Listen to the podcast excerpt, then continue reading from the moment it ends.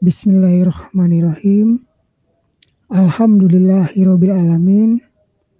Nahmaduhu wa nasta'inu wa nastaghfiruhu wa na'udzubillahi min syururi anfusina wa min sayyiati a'malina.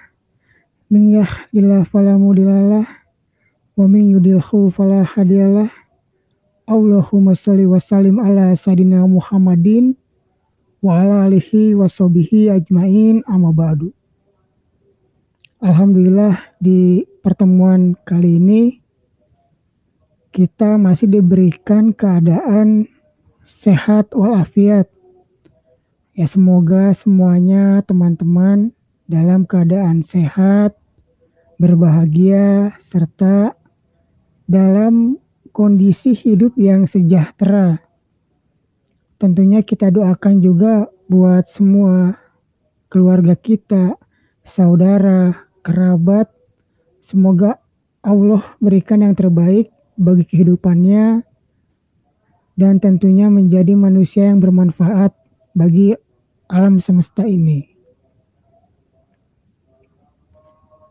Nah, kali ini kita mau masuk ke pembahasan salah satu tokoh dari barat ya mengenai pendidikan. Namun ya kalau kita bahas pendidikan itu kita nih sudah banyak berganti kurikulum ya. Mulai dari kurikulum di awal kemerdekaan gitu. Ataupun biasa disebut kurikulum rencana pelajaran tahun 1947 yang di mana itu kan dua tahun sejak Indonesia merdeka ini awalnya lanjutan daripada kurikulum pada masa penjajahan Belanda.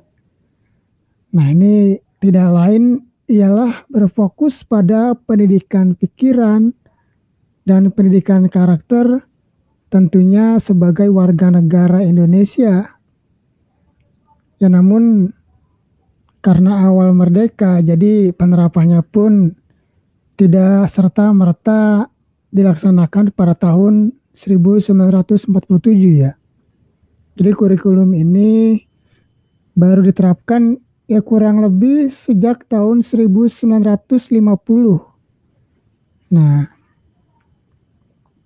lalu bergantinya tahun setelah 14 tahun kurikulum rencana pelajaran itu dilaksanakan, maka waktu itu pemerintah mencetuskan kurikulum baru sekitar tahun 1964 yang di mana kurikulum kedua ini kurang lebih pemerintah menerapkan program Pancawardana ya ini untuk bekal di jenjang sekolah dasar, yaitu pendidikan yang meliputi pengembangan daya cipta, karsa, rasa, karya, dan juga moral tentunya. Berlanjut ke kurikulum pada tahun 1968. Nah ini masuk kurikulum ketiga ya namun pada kurikulum ini terjadi penyempurnaan ya di tahun 52 hingga tahun 1964. Jadi terdapat perubahan dari program yang namanya Pancawardana menjadi pengetahuan dasar, pembinaan jiwa Pancasila dan kecakapan khusus yang di mana ini mempunyai tujuan untuk membentuk manusia berpancasila sejati. Wah. Ini selain itu secara jasmani pun diharapkan jasmani yang sehat, kokoh, yang memiliki kecerdasan, keterampilan, dan moral budi pekerti, serta taat beragama. Ya bisa dibilang kalau kurikulum tahun 1968 ini merupakan kurikulum pelengkap dari kurikulum sebelumnya. Namun hanya mengubah beberapa poin saja. Ya kurang lebih kan dinamika yang terjadi terhadap kurikulum hari ini kan seperti itu. Ada beberapa poin yang diperbaiki ya ataupun dirubah beberapanya. Sebelum itu, nah masuk ke kurikulum keempat sekitar tahun 1975. Ini tahun 75 ini sistem pendidikannya memiliki orientasi pada tujuan yang bisa dikatakan lebih efektif dan efisien dalam dunia pendidikan. Nah, di sinilah pada tahun 75 ini mulai dikenal nih istilah satuan pelajaran. Ya adanya rencana pembelajaran serta satuan bahasannya. Jadi mulai ada kayak semacam RPP lah kalau hari ini ya. Kayak gitu. Ini pun semakin dirinci kembali ya. Namun ya itu tadi karena semakin dirinci semakin rigid akhirnya ya banyak uh, para guru juga pada tahun 75 ini para akademisi yang mengkritik kurikulum ini karena dianggap terlalu membebani para pendidik dengan hal-hal rincinya. Wah, apalagi hari ini mungkin ya karena sangat banyak nih perangkat pembelajaran yang harus dibuat oleh para guru-guru. Namun pada nyatanya ya kita mudah-mudahan masih sanggup dan masih semangat untuk mengerjakannya. Nih, selain itu pun kurikulum terjadi perubahan kelima sekitar tahun 84. Itu kalau tidak salah itu di sinilah tahun ini tahun 84 siswa mulai diposisikan sebagai subjek belajar dengan cara melakukan pengamatan, lalu diskusi, serta membuat laporan. Pada waktu itu ya, ini kurikulum 84 ini diadopsi dari metode cara belajar siswa aktif ataupun dalam bahasa Inggrisnya ini ya student active learning SAL ya kalau kita baca buku-buku metode pembelajaran itu waktu itu ya pencetusnya ialah Profesor Dr. Koni Semiawan ya ia waktu itu masih menjabat sebagai pusat kurikulum Departemen Pendidikan Nasional. Ya sekitar tahun 80-an ya. Nah, ini akhirnya sekitar tahun 84 ini pembelajaran itu mulai difokuskan pada keaktifan siswa sehingga ia dapat terlibat dalam pemecahan masalah, diskusi lalu menyampaikan hasil dari observasi diskusinya. Ya memang ini ya kelebihannya seperti itu pada tahun 1994 akhirnya terjadi penyempurnaan juga dari kurikulum dari kurikulum tahun 84 yang di mana ini ya pada waktu itu terkait adanya sistem manajemen pembelajaran yang di mana perubahan sistem semester menjadi sistem catur bulan. Nah, jadi ada sistem catur bulan ya yang di mana pembagiannya itu kan dalam satu tahun menjadi tiga fase catur bulan pertama, kedua dan ketiga ya tentu pasti bapak ibu nih ya sudah pernah mengalaminya kan seperti itu.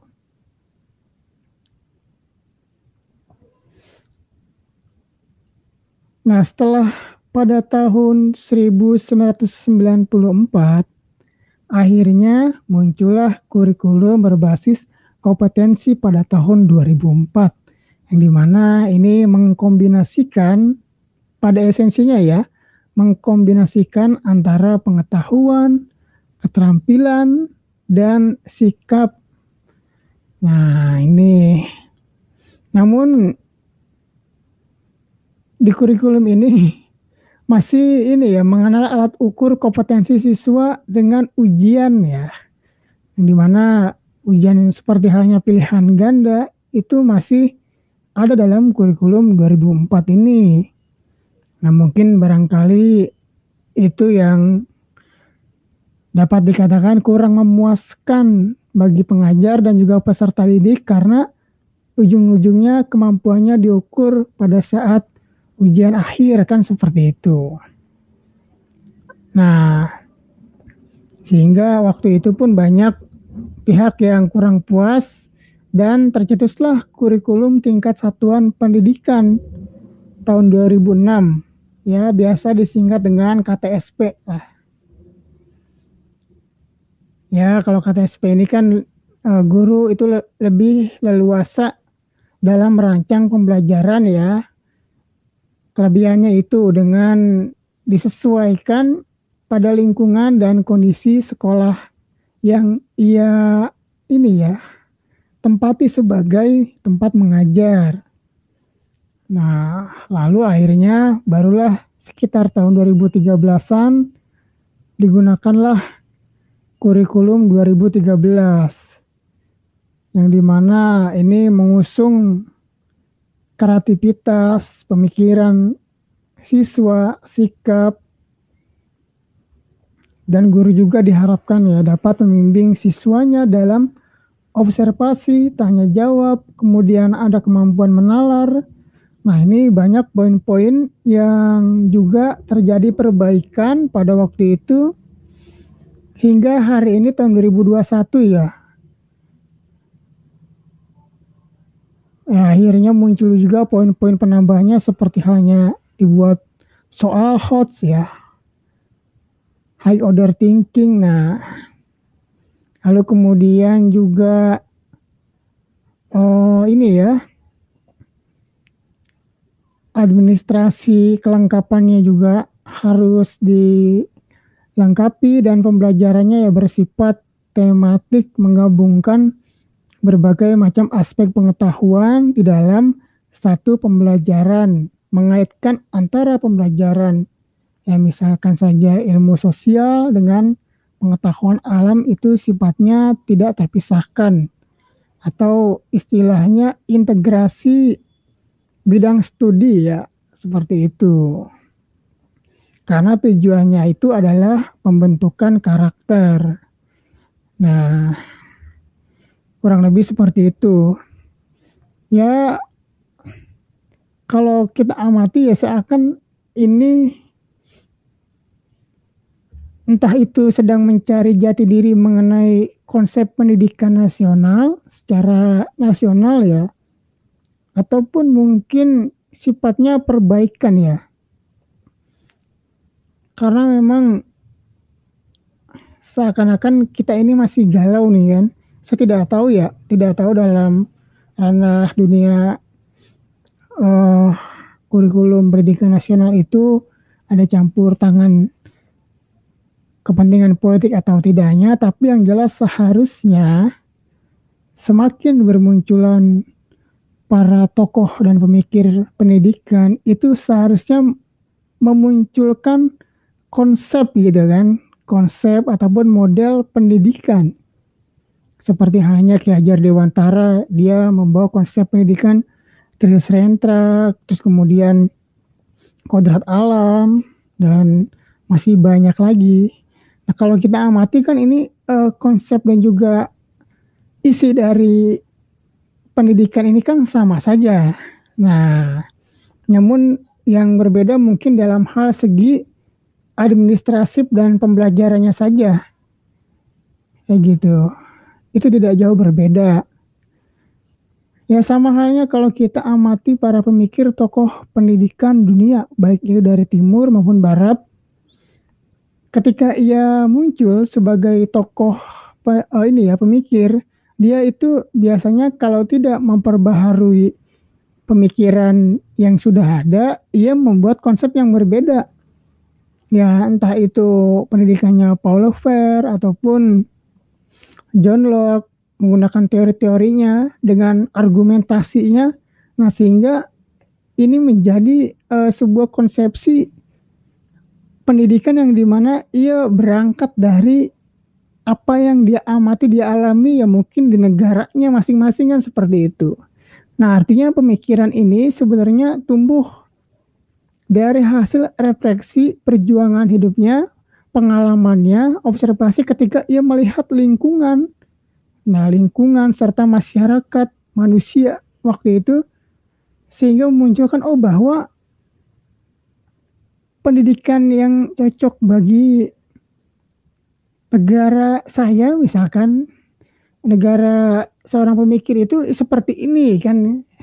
Akhirnya dimunculkanlah nah salah satunya yang akan kita bahas nih yang di mana pemikiran pendidikannya itu mempengaruhi konsep-konsep serta pembangunan pendidikan di negara-negara internasional ini dalam tataran dunia global yaitu Frederick Froebel. Oke, ya mungkin jadi kita mulai dengan mengenal Frederick Froebel dulu ya. Nama lengkapnya ialah Frederick Wilhelm August Froebel. Nah, ini dia kelahiran tahun 1782 hingga ya wafat pun sekitar tahun 1000 852 ya.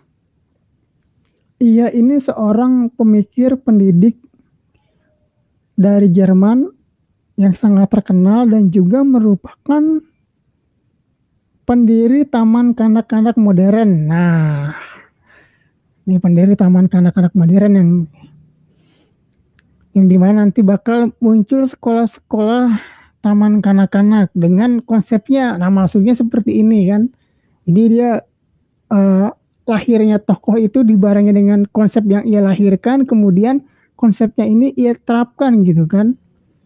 Jadi dia itu disibukkan dengan sebuah konsepsi-konsepsi mengenai bagaimana mendidik manusia kan seperti itu.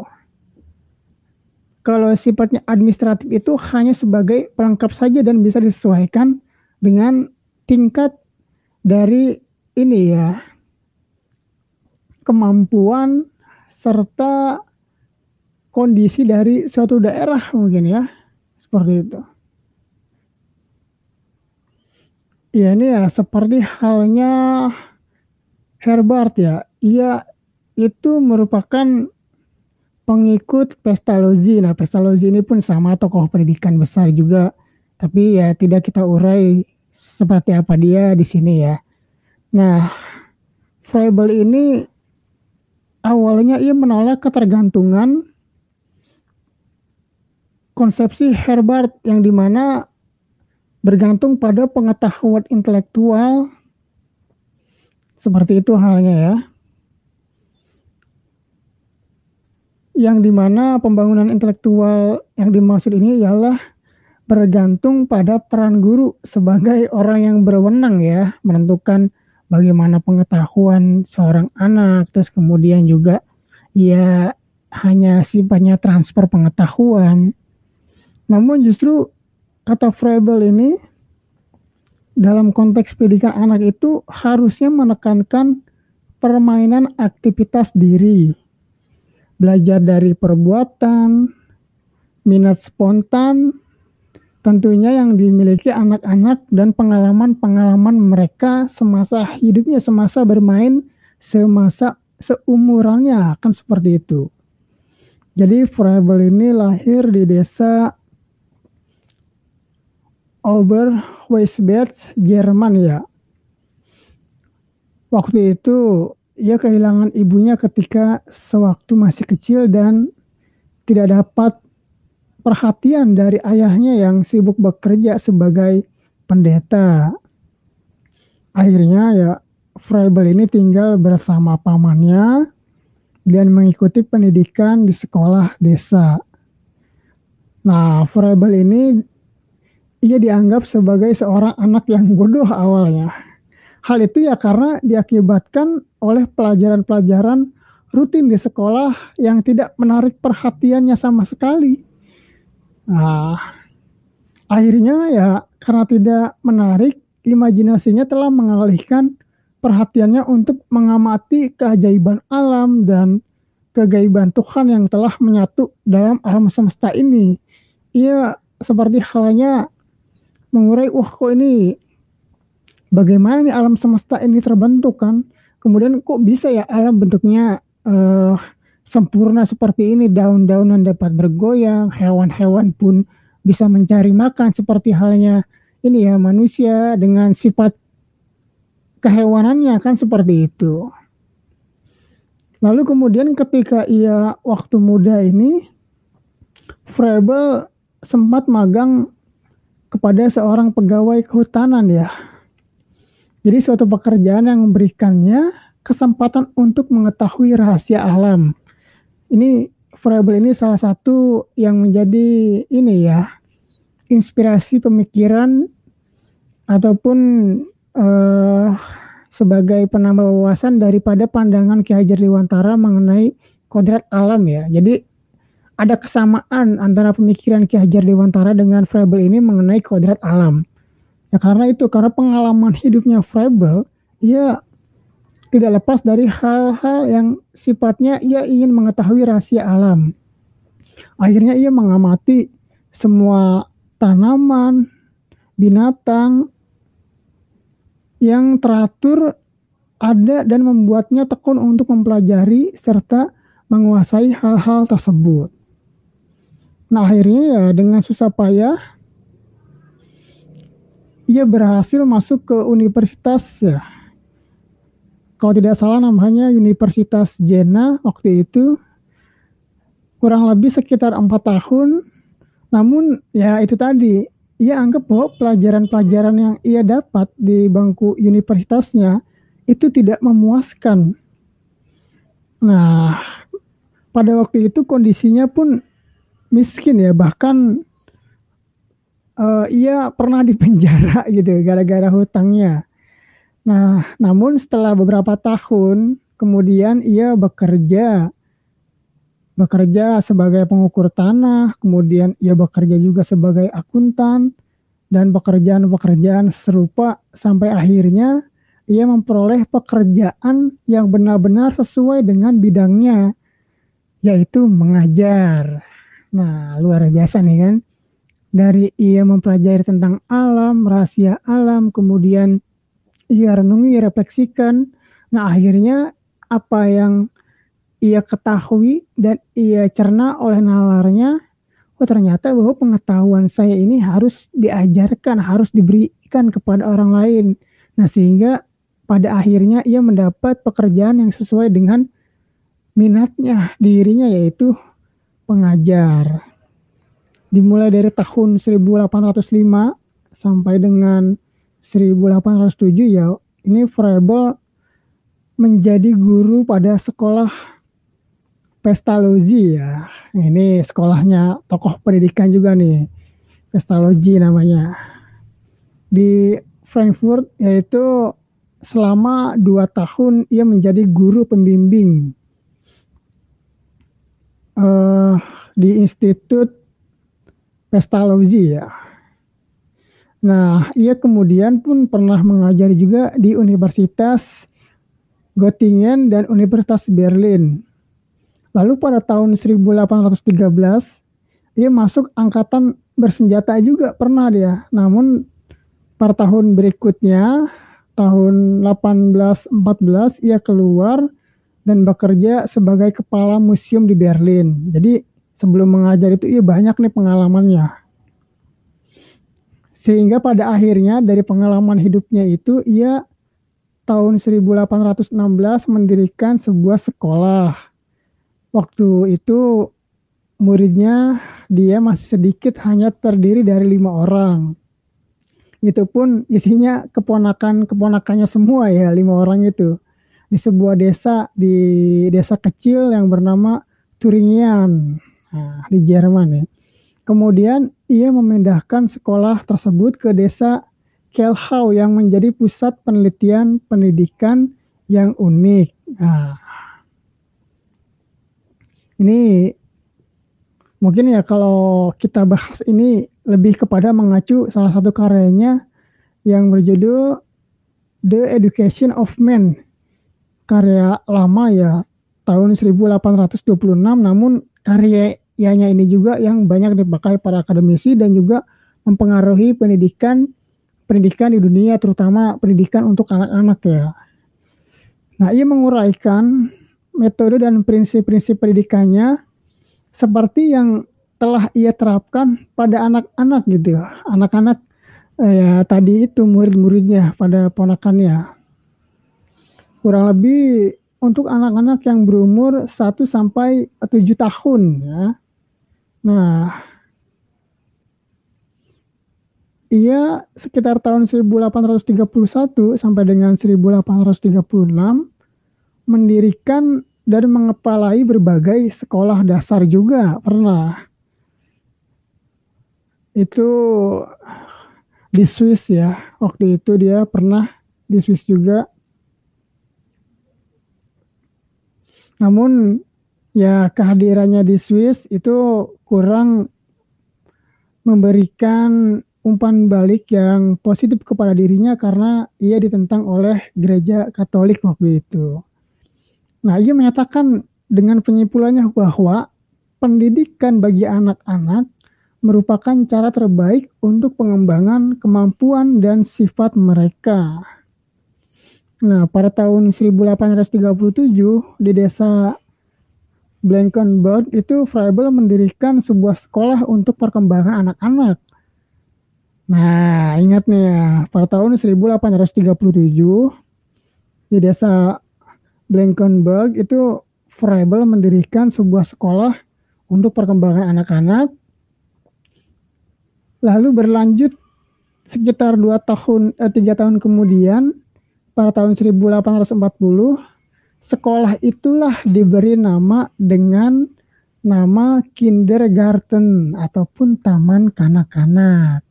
Nah inilah asal mula taman kanak-kanak ya, taman kanak-kanak sekolah untuk anak-anak tingkat TK ya. Nah yang sifatnya itu uh, modern kan, sehingga banyak negara-negara lain pun memakai istilah taman kanak-kanak kindergarten ataupun ya biar lebih ini kan, biar lebih laku itu. Nah, untuk mendukung isi dari pembelajaran serta aktivitas anak-anak di sekolahnya itu Froebel membuat sebuah karya yang di mana berjudul Mother Play and Nursery Song itu sekitar tahun 1834 karya ini berupa kumpulan lagu-lagu untuk mengiringi permainan nah ini mencerminkan berbagai metode pendidikannya. Jadi karyanya berupa lagu-lagu, terus kemudian metode pendidikan. Nah ya walaupun taman kanak-kanak yang didirikannya di Blankenburg itu uh, sempat terpaksa ditutup. Namun sebelum sempat terpaksa ditutup, eh ternyata sekolah ini gitu kan ya, taman kanak-kanak ini sempat terkenal ya, terkenal dan berhasil dalam mengimplementasikan konsepnya kan seperti itu. Ya setelah sekolahnya ditutup akhirnya Froebel menghabiskan waktunya untuk memberikan ceramah-ceramah mengenai teori pendidikannya di seluruh Jerman waktu itu. Pada tahun 1849 akhirnya ia mendapat bantuan dari Baroness ini dia mendapat bantuan dalam bentuk sebidang tanah untuk dijadikan pusat pendidikan. Nah, Bertepon ini ya, Barones ini dia seorang propagandis terkenal bagi ajaran-ajaran Froebel di Eropa. Jadi istilahnya dialah yang mengenalkan konsepsi-konsepsi pendidikannya Froebel di Eropa. Nah, tetapi mungkin terjadi beberapa pertentangan antara ajaran Froebel dengan ajaran sosialis dari Karl Froebel ataupun keponakannya. Sehingga pemerintah Prusia itu menganggapnya sebagai seorang revolusioner, bukan pembaharu yang sifatnya menolak dari ajaran sosialis itu sendiri. Sehingga pada akhirnya tahun 1851 itu ya pemerintah Prusia melarang sekolah-sekolah taman kanak-kanak yang didirikannya karena bertentangan dengan ajaran sosialis dari Karl ataupun itu uh, keponakannya ya Karl itu seorang sosialis. Nah hal itu juga uh, yang menjadi penyebab penghinaan yang dilakukan oleh pemerintah Prusia setahun sebelum kematian. Iya ya kematiannya. Padahal ia seorang penyumbang terbesar dalam dunia anak-anak. Nah, mengenai pendidikan anak-anak ya setelah ia meninggal ya akhirnya melejit tuh karyanya tuh pemikirannya jadi pandangan dan pengaruh pendidikan Froebel ini didasarkan atas keyakinannya terhadap kesatuan alam. Jadi katanya Froebel, adanya hukum-hukum alam yang universal dan keyakinannya terhadap Tuhan sebagai pengatur kehidupan, kehidupan manusia yang juga itu semua merupakan bagian dari alam. Lebih lanjut, Froebel mengatakan bahwa seorang anak harus mengamati, mempelajari, dan bekerja dengan alam termasuk juga pada tanaman ia pelajari, binatang, dan benda mati lainnya. Sehingga ia akan memperoleh pengertian yang jelas tentang berbagai perubahan bentuk dalam kehidupan di dunia. Serta akan mengetahui pula hukum-hukum alam anorganik. Froebel percaya bahwa segala hukum alam dan benda-benda yang ada di seluruh alam semesta itu dipersatukan oleh Tuhan katanya. Jadi tingkatnya sudah tingkat uh, kesadaran religius ya. Nah, demikian pula seorang anak ya melalui pelajaran tentang alam, kegiatan yang dilakukannya secara bebas di taman kanak-kanak, ia akan mengetahui keadaan alam, teman-teman samanya, sifat serta identitas dirinya sebagai manusia, berpikir, bertindak, berkembang. Di samping itu, ya keinginan, minat serta kemampuannya akan tersalur pula. Nah, ini pun yang dia rasakan ketika ia masih berumur seumuran kanak-kanak ya. Ia melihat pelajaran, mengikuti pelajaran, tidak ada ketertarikan karena terlepaskan dari alam itu tadi sehingga ketika ia keluar dari ini ya sekolahnya sewaktu ia masih tak kanak-kanak dia justru malah senang belajar pada alam kan seperti itu nah ini Froebel sependapat dengan Pestalozzi bahwa anak-anak sejak lahir memiliki kemampuan khusus masing-masing jadi mempunyai potensi masing-masing. Akan tetapi nih, ia menyatakan pula bahwa perkembangan, kemampuan, dan pemenuhan kebutuhan diri itu berasal dari dorongan hati anak tersebut melalui aktivitas aktivitas yang dilakukannya secara spontan.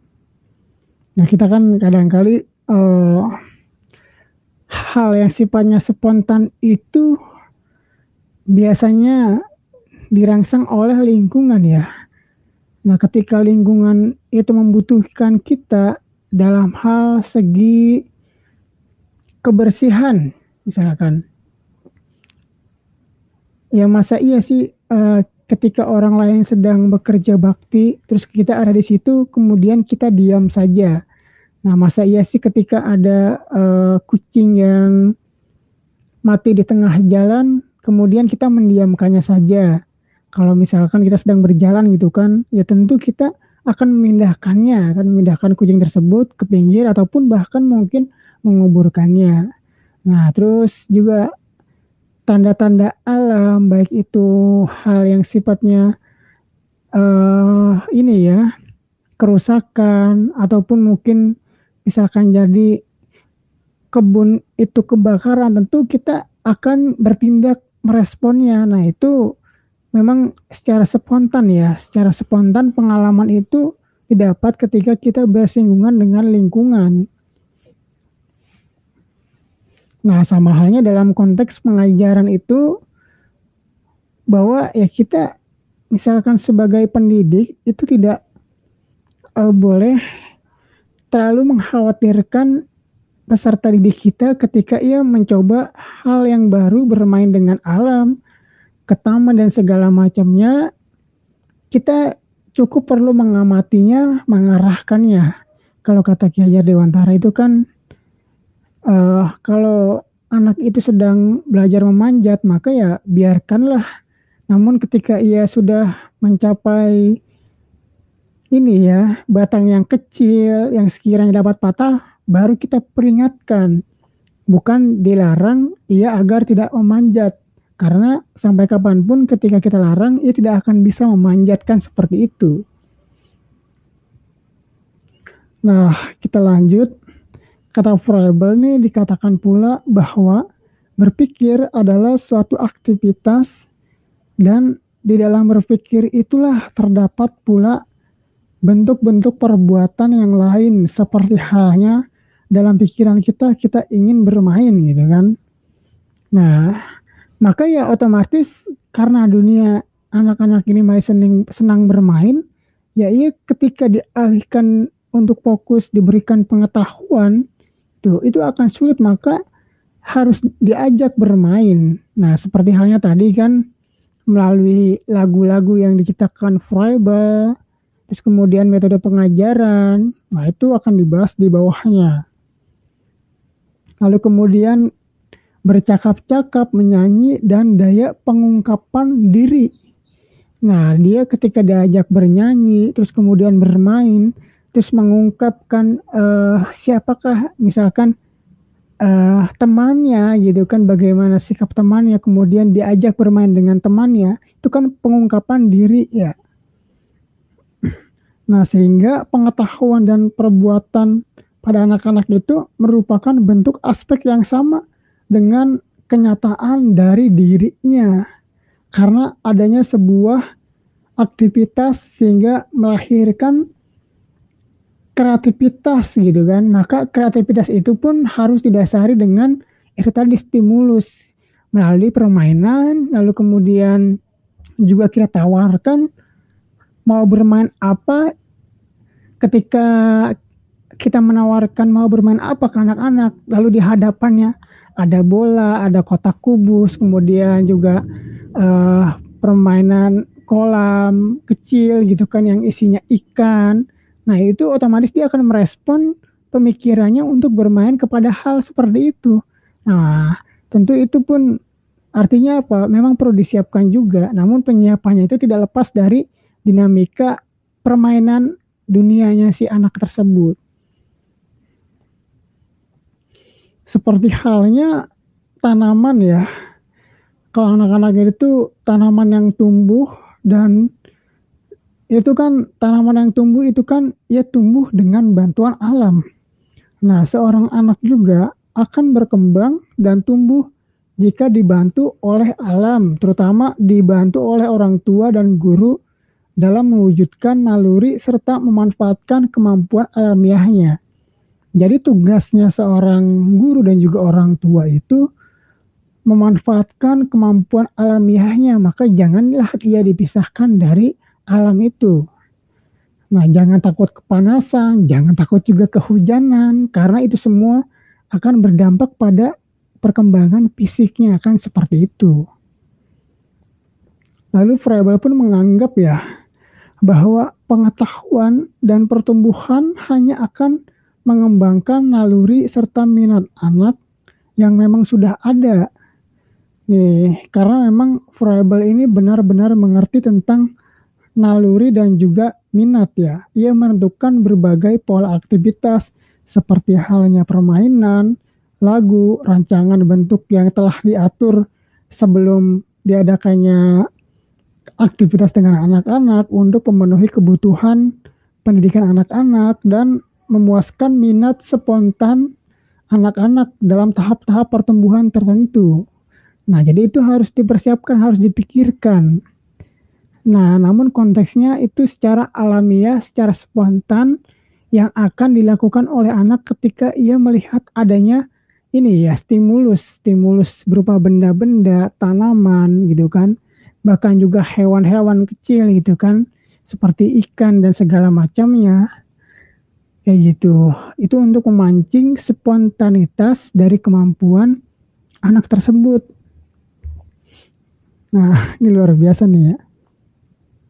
Ini anak-anak di sekolah taman kanak-kanak, kata Frebel itu diberi materi yang sederhana. Misalnya ya tadi kan pasir, tanah liat, kertas, kemudian kubus, silinder untuk belajar membentuk, merancang atau membuat sesuatu dalam kegiatan kelompok maupun individunya. Dengan begitu imajinasi mereka ya kan akan terbentuk ya dengan mendengarkan, membicarakan dongeng-dongeng, cerita, legenda, di samping bermain dengan pasir, tanah liat, ya kubus ataupun silinder itu tadi. Nah sehingga ini yang menyebabkan Frebel ini yakin bahwa anak-anak itu akan menerima dan akan mewujudkan dorongan hati mereka karena aktivitas-aktivitas yang telah diatur sebelumnya oleh para pendidik ya. Nah, aktivitas yang diatur oleh para pendidik inilah itu dibuat berdasarkan pengalaman-pengalaman hidup anak-anak ya, ataupun hidup uh, ketika ia masa anak-anak, bahkan sebelum ia mengajar, kira-kira ia memikirkan apa nih yang menjadi hal menarik bagi anak-anak, sehingga sesuai dengan keadaan anak-anak yang pendidik itu temui. Nah, kata Frebel juga nih ya, aktivitas-aktivitas ini bisa ditentukan, bisa pula tergantung dari kreativitas masing-masing anak. Nah, jadi eh, banyak ya hal yang dapat mencakup apa yang dipikirkan atau dikerjakan oleh anak-anak tersebut. Nah, apalagi hal-hal seperti itu diserahkan pada keinginan, kemauan, serta kemampuan berpikir mereka. Kadang-kala ketika anak-anak itu berkumpul, mereka dengan latar belakang yang berbeda, akhirnya mereka mempunyai kreativitas, ide, serta permainan yang berbeda pula, sehingga dapat ditiru oleh anak-anak lain. Nah, itu bagusnya. Akhirnya apa? Secara spontanitas mereka dapat beradaptasi dengan teman-temannya, dengan lingkungannya. Nah, jadi tidak ada lagi rasa ketakutan dengan orang lain, dengan temannya, ataupun berebut permainan dengan temannya. Dan itu pun perlu ditanamkan ya, diarahkan seperti itu. Ini kalau Frebel ini ya menganjurkan juga latihan kerajinan bagi anak-anak yang lebih tua misalkan tingkat sekolah dasar 7 tahun ke atas sampai 12. Nah, tidak karena alasan hanya mengenai kejujuran saja, tetapi untuk mengembangkan kemampuan keterampilan sehingga gagasan yang dimilikinya itu bisa terlaksana karena adanya kesempatan bagi mereka untuk melakukan kreativitas melalui latihan kerajinan itu tadi. Nah, ini kan gagasan-gagasan Froebel ini juga di, uh, digunakan yang menjadi ini ya pemikiran dari seorang pendidik di Finlandia nih.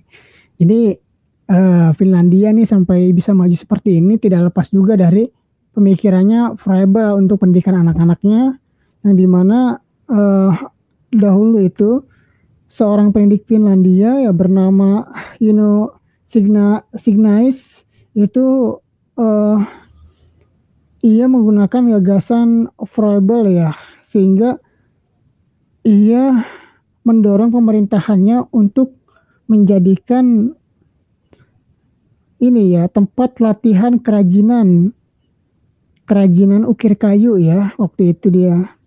Lalu selain kerajinan ukir kayu ada kerajinan logam dan keterampilan keterampilan lainnya sehingga kerajinan ini ya aktivitas latihan kerajinan ini dijadikan sebagai mata pelajaran wajib terutama bagi murid laki-laki di sekolah Yuno ini ya, di sekolah si Yuno. Nah, lalu di negara lain pun seperti halnya di Swedia, itu pada tahun 1840 sampai dengan 1907 seorang ini ya pemimpin sekolah yang bernama Otto Salomon pun pernah mengubah program pengajarannya. Itu uh, dari yang sifatnya biasa saja tidak ada kerajinan namun namun ia adakan program kerajinan yang disesuaikan dengan konsepnya dan konsep Froebel ya. Itu tujuannya katanya untuk mengembangkan bakat si anak.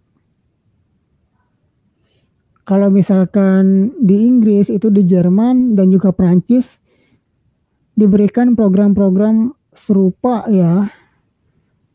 Seperti halnya konsep murni Froebel bahwa murid laki-laki itu diberikan latihan kerajinan kayak gitu dalam hal mengukir dan sebagainya.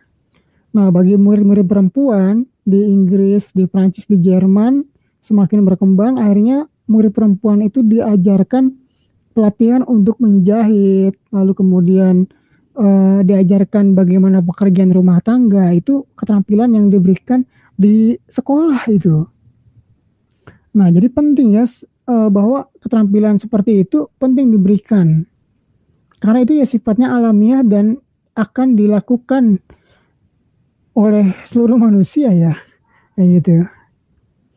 Nah, makanya adanya konsep dan juga model pembelajaran-pembelajaran tersebut yang tidak terlepas dari lingkungan, dari sifat alamiah dan spontanitas itu, akhirnya pembelajaran-pembelajaran dan konsep pendidikan serta pemikiran verbal ini cepat berkembang dan sampai kepada sekolah-sekolah di Amerika Serikat. Wah, ini sudah mulai mendunia nih kan.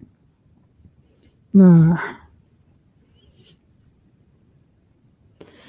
terutama pada prinsip-prinsip pemikiran Froebel ini bagi pendidikan dunia itu kan itu cukup baik terutama bagi pendidikan anak-anak ya.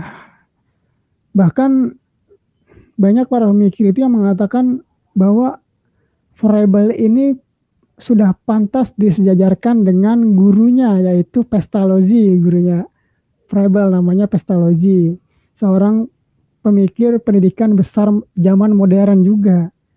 Nah oke. Okay. kita lanjut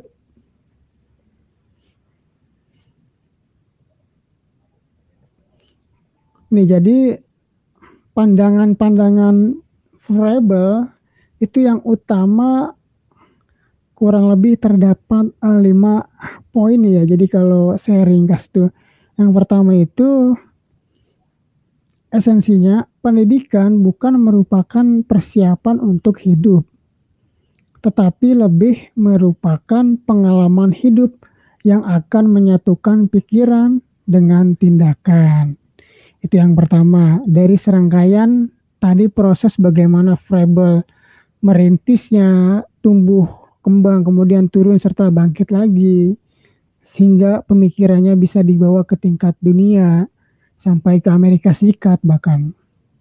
Lalu yang kedua, ekspresi diri dan belajar dari kerja seperti berkebun, pekerjaan menjahit, menenun, terus kemudian musik, merancang, pekerjaan tangan dan kegiatan lainnya adalah metode terbaik untuk belajar, memperoleh pengetahuan serta keterampilan dan mengembangkan bakat. Lanjut, yang ketiga, anak-anak harus dibimbing sehingga mereka akan belajar melalui pengalaman dalam suatu kelompok kerjasama serta akan membentuk sikap dan kebiasaan moral yang baik saling membantu dan akan menciptakan suatu persahabatan di antara mereka yang kesemuanya akan tercapai dalam sekolah taman kanak-kanak sebagai suatu miniatur masyarakat yang ideal. Nah, jadi harus diarahkan ya anak-anak itu dalam pembelajarannya pembelajaran yang sifatnya berkelompok agar ia saling mengenal satu sama lainnya. Yang keempat itu spontanitas. Kata Froebel, kegembiraan dan disiplin yang diberikan pada anak-anak harus wajar dan memberikan ciri terhadap sekolah tersebut maupun program-programnya. Yang kelima, manusia adalah bagian dari alam.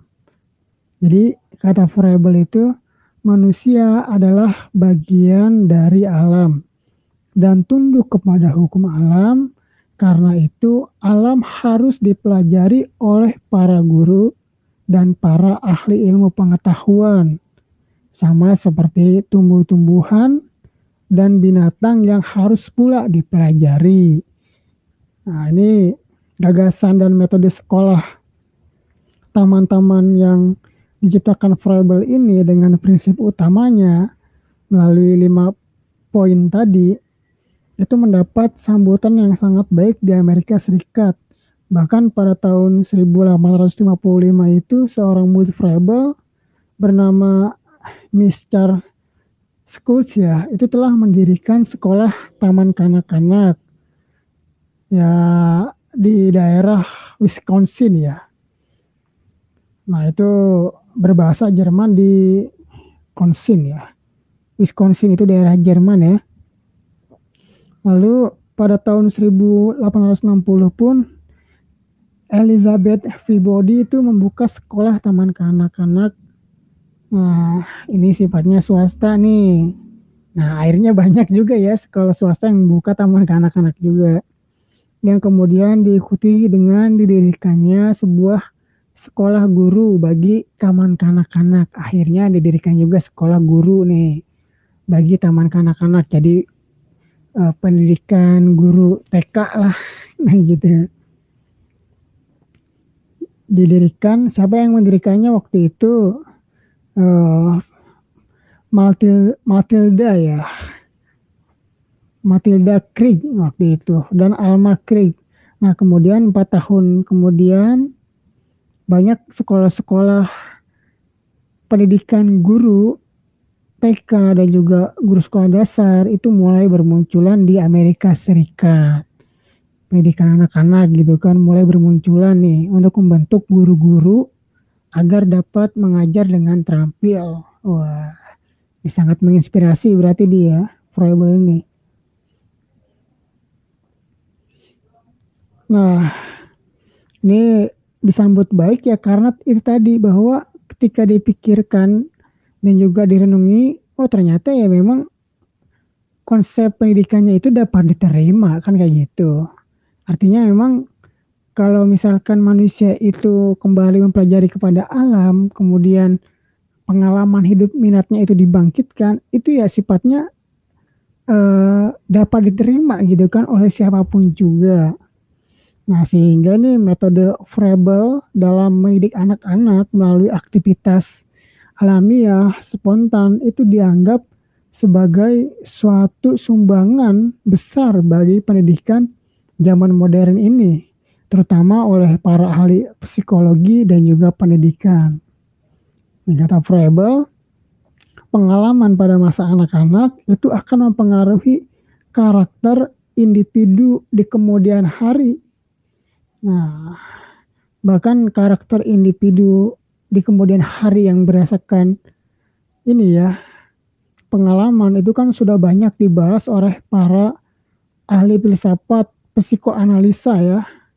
Baik itu William James kemudian ada Arnold Lucius nah serta bahkan predik terkemuka seperti halnya Jean Piaget gitu kan serta ini Robert Owen nah itu uh, mengatakan hal yang sama gitu kan pengalaman hidup pada anak-anak itu akan menentukan karakter individunya di kemudian hari kalau misalkan tidak dididik sesuai dengan potensinya, terus pengalaman alamiahnya, spontanitas, ya maka kalau misalkan sudah besar akan dirubah itu susah.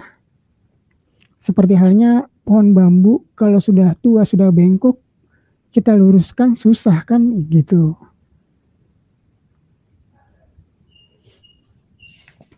Nah, lebih lanjut nih